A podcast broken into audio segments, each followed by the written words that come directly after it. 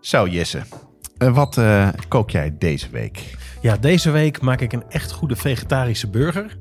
Uh, ik heb een lasagne die bijna niet in de oven gaat. En als uitsmijter heb ik een leuke combinatie met boerenkool.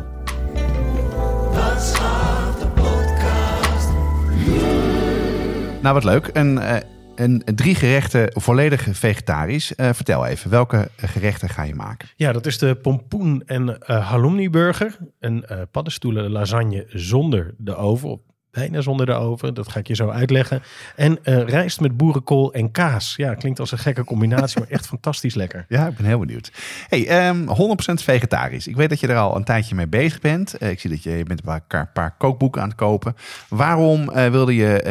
Um, een vegetarisch menu maken helemaal. Ja, ik ben een beetje op zoek naar een nieuw vegetarisch uh, repertoire. Uh, mijn vaste lijst van uh, favorieten is een beetje aan het uitputten. Je kent dat wel, hè? dat je op een gegeven moment weer dezelfde routine zit. Ja, dus je moet dat blijven aanvullen. van alle nieuwe dingen die je maakt blijft een gedeelte over. En ik merkte dat zijn er weinig. Uh, en dan krijg je de neiging dat je toch weer vlees gaat kopen. En dan ga je weer in het oude proteïne denken. Dus uh, ja, ik ben ook niet zo'n fan van vleesvervangers. Dus ik moet creatief zijn. En dan ga je, ga je op zoek. En daar komen weer hele leuke nieuwe recepten uit. Wat leuk, Les. En dit zijn dan voorbeelden daarvan. Zoals, zoals een vegetarische burger, toch? Met ja, zeker. ja. ja. Ja, ik hou heel erg van burgers met, uh, met goed vlees, uh, natuurlijk. en ik ben geen. Mag niet nu, toch? Nee, nou ja, ik, ik, moet mezelf even gaan, gaan beperken. En ik ben helemaal geen fan van de nepburgers. Nee, en, en uh, vertrouw me, ik heb echt heel veel geprobeerd. En ik, ik vind ze gewoon echt niet lekker. Ja. dus ik ga gewoon op zoek naar andere, andere vervangers. En die halloumi kaas, dat is eigenlijk een perfect ingrediënt hiervoor. Ik heb een aantal recepten geprobeerd en getest. en daar is deze eigenlijk uitgekomen. Oké, okay, we hebben volgens mij hebben we het een keer eerder over halloumi als kaas gehad in, de, in een uh, aflevering waar we de butter chicken behandelden. Ja. Um, hoe gebruik je dat nu dan in deze burger? Nou, het fijne ervan is, het is eigenlijk een soort van grillkaas. Hè? Zo wordt het ook wel uh, genoemd. Ja, hij is vrij zout en uh, stevig, toch? Ja. ja. Ja, je hebt een bepaalde eiwitstructuur en die maakt hem gewoon heel geschikt om te uh, bakken en grillen. Andere kaas die zou helemaal verdwijnen. Ja, ja. Deze blijft mooi stevig, het smelt niet. En je krijgt dus hele mooie van die grillmarks als je een grillpan gebruikt. Dus het is heel burgertechnisch, zijn we op de goede weg. Dus even dat haakje nog van, van de hamburger erbij halen met die grillmark. Ja, precies. Ja. Hey, en het recept wat Annie had gemaakt, uh, ging de halloumi in blokjes. Um, ik neem aan dat je hier gewoon de hele plak gebruikt, ja, toch? dat klopt. Dat is dan weer het mooie van zo'n kaas. Je kan hem heel mooi uh, op de maat van je broodje gaan uh, Oh, je gaat hem echt in een cirkel maken? Precies, ja, zeker. Ja. ja, zo ben ik dan. Ja. Een beetje OCD, dan moet het allemaal kloppen.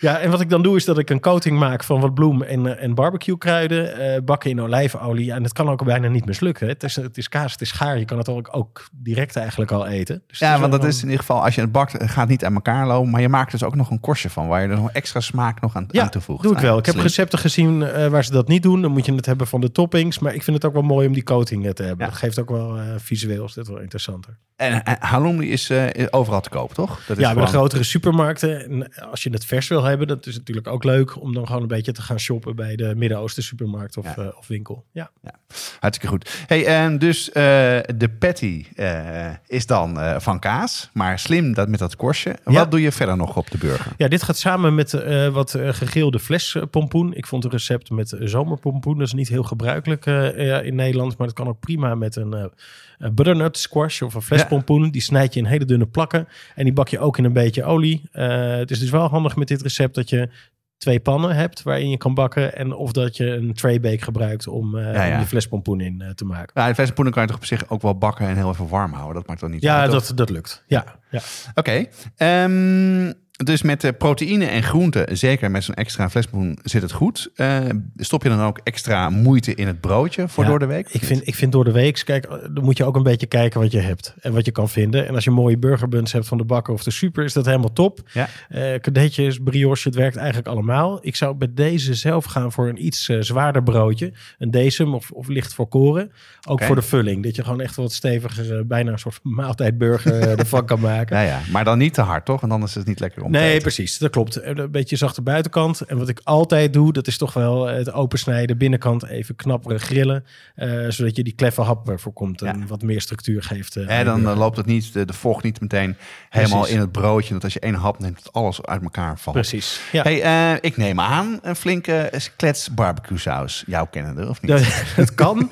Ja, hier, hier ga je een beetje... Smaak al in, toch? Of Zeker, ja. hier gaan we het iets anders doen. je hebt die halloumi, die is vrij neutraal qua smaak. Dus dan heb je een pompoen erop. Dat is een beetje aards en die is wat zoet. en dan vind ik het wel leuk om dan in plaats van een, een mayo gebaseerde saus... iets met een dressing te doen met, uh, met smaak. Wat frisser ook. Of ja, en je kan wat creatief zijn. Uh, in dit recept gebruiken we jalapeno's uit een potje als topping. Lekker. Maar gebruiken we dus ook die pickle juice uit, uit die dressing. Gebruiken we met wat knoflook en honing. Is dat niet heel pittig dan? Nee, die, juice, die is uh, heel goed te doen. Ja, het hangt ook wel een beetje van het merk uh, jalapeno's af, uh, moet ik zeggen. Maar dat kan je heel goed gebruiken als een basis. Ja, maar het is wel lekker, want het is het hele zoutige wat je hebt van, van de kaas. En dan Zeker. wat pittiger erbij. Um, er zit al wat groente op, maar gaat hier ook nog sla bij of niet? Ja, ik heb een recept gezien met uh, basilicum. Dat heb ik zelf vervangen met wat... Uh, basilicum? Ja, dat vind ik ook de intens hiervoor eigenlijk. Het, werkt wel, maar het is net, uh, net wat te veel. Dus ik ben voor rucola gegaan. Oh, ja. Een beetje mooie notige smaken erop. werkt ook heel goed met die honing uit, uit de dressing. Dus ja, best wel compleet recept op deze manier. Oh, wat ook lekker lijkt is een beetje waterkers in plaats van... Dan prima. ja zeker.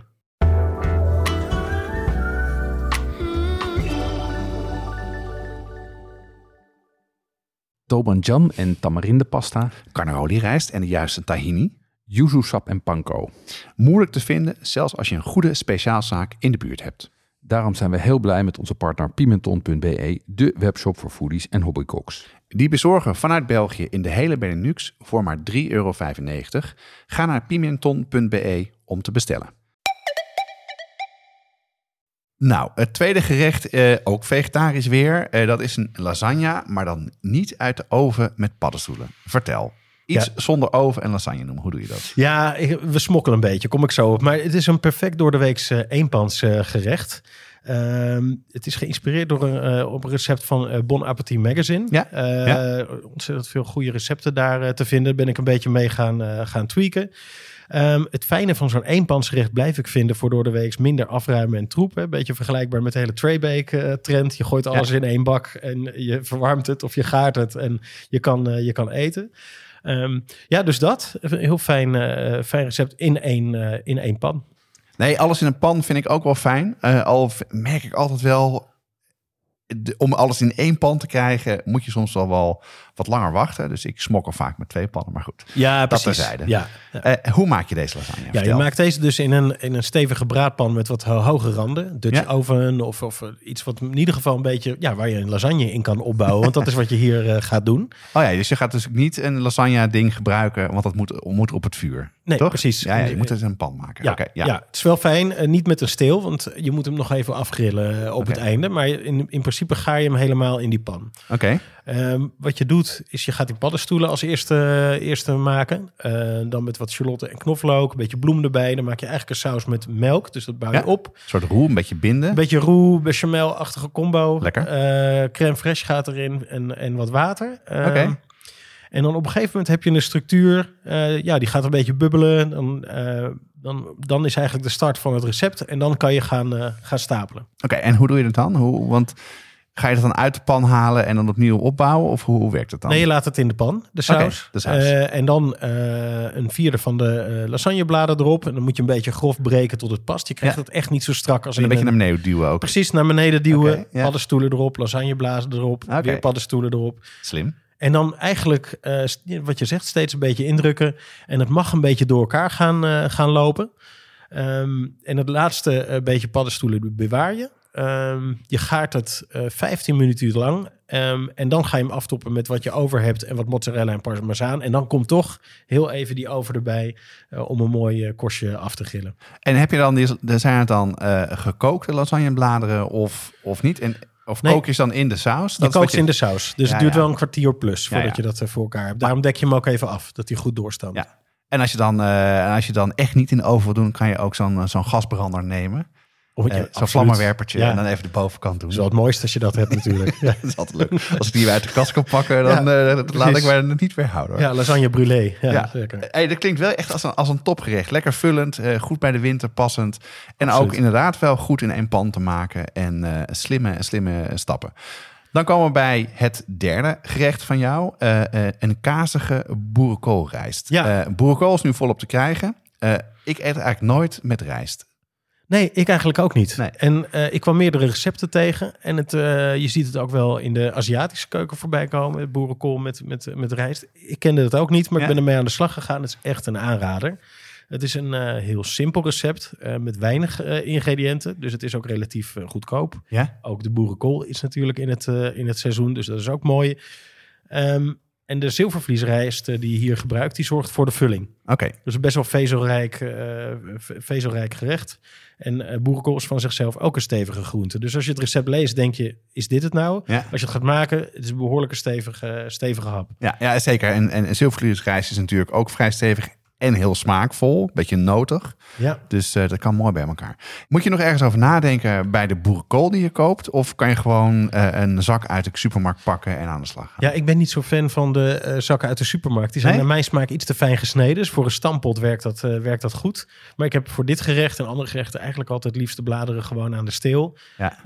en wat ik eigenlijk heel lekker vind, dat is dan niet helemaal boerenkool, dus de palmkool, hè, de, de Cavallo Nero. Ja, Cavallo Nero, ja zeker. Zat bij ons nog in de tuin, die groeit nu. Gewoon, ja, nou, afknipt. Geweldig. Ja, dus de, wat dikkere bladeren, uh, iets moeilijker te krijgen. Je moet het zelf hebben of naar de groenteboer. Ja, dat kan ook heel goed in dit uh, gerecht. Hij moet wel een beetje de, de nerf van sommige een beetje uitknippen, want die kan heel erg vezelig zijn, maar is heel erg lekker.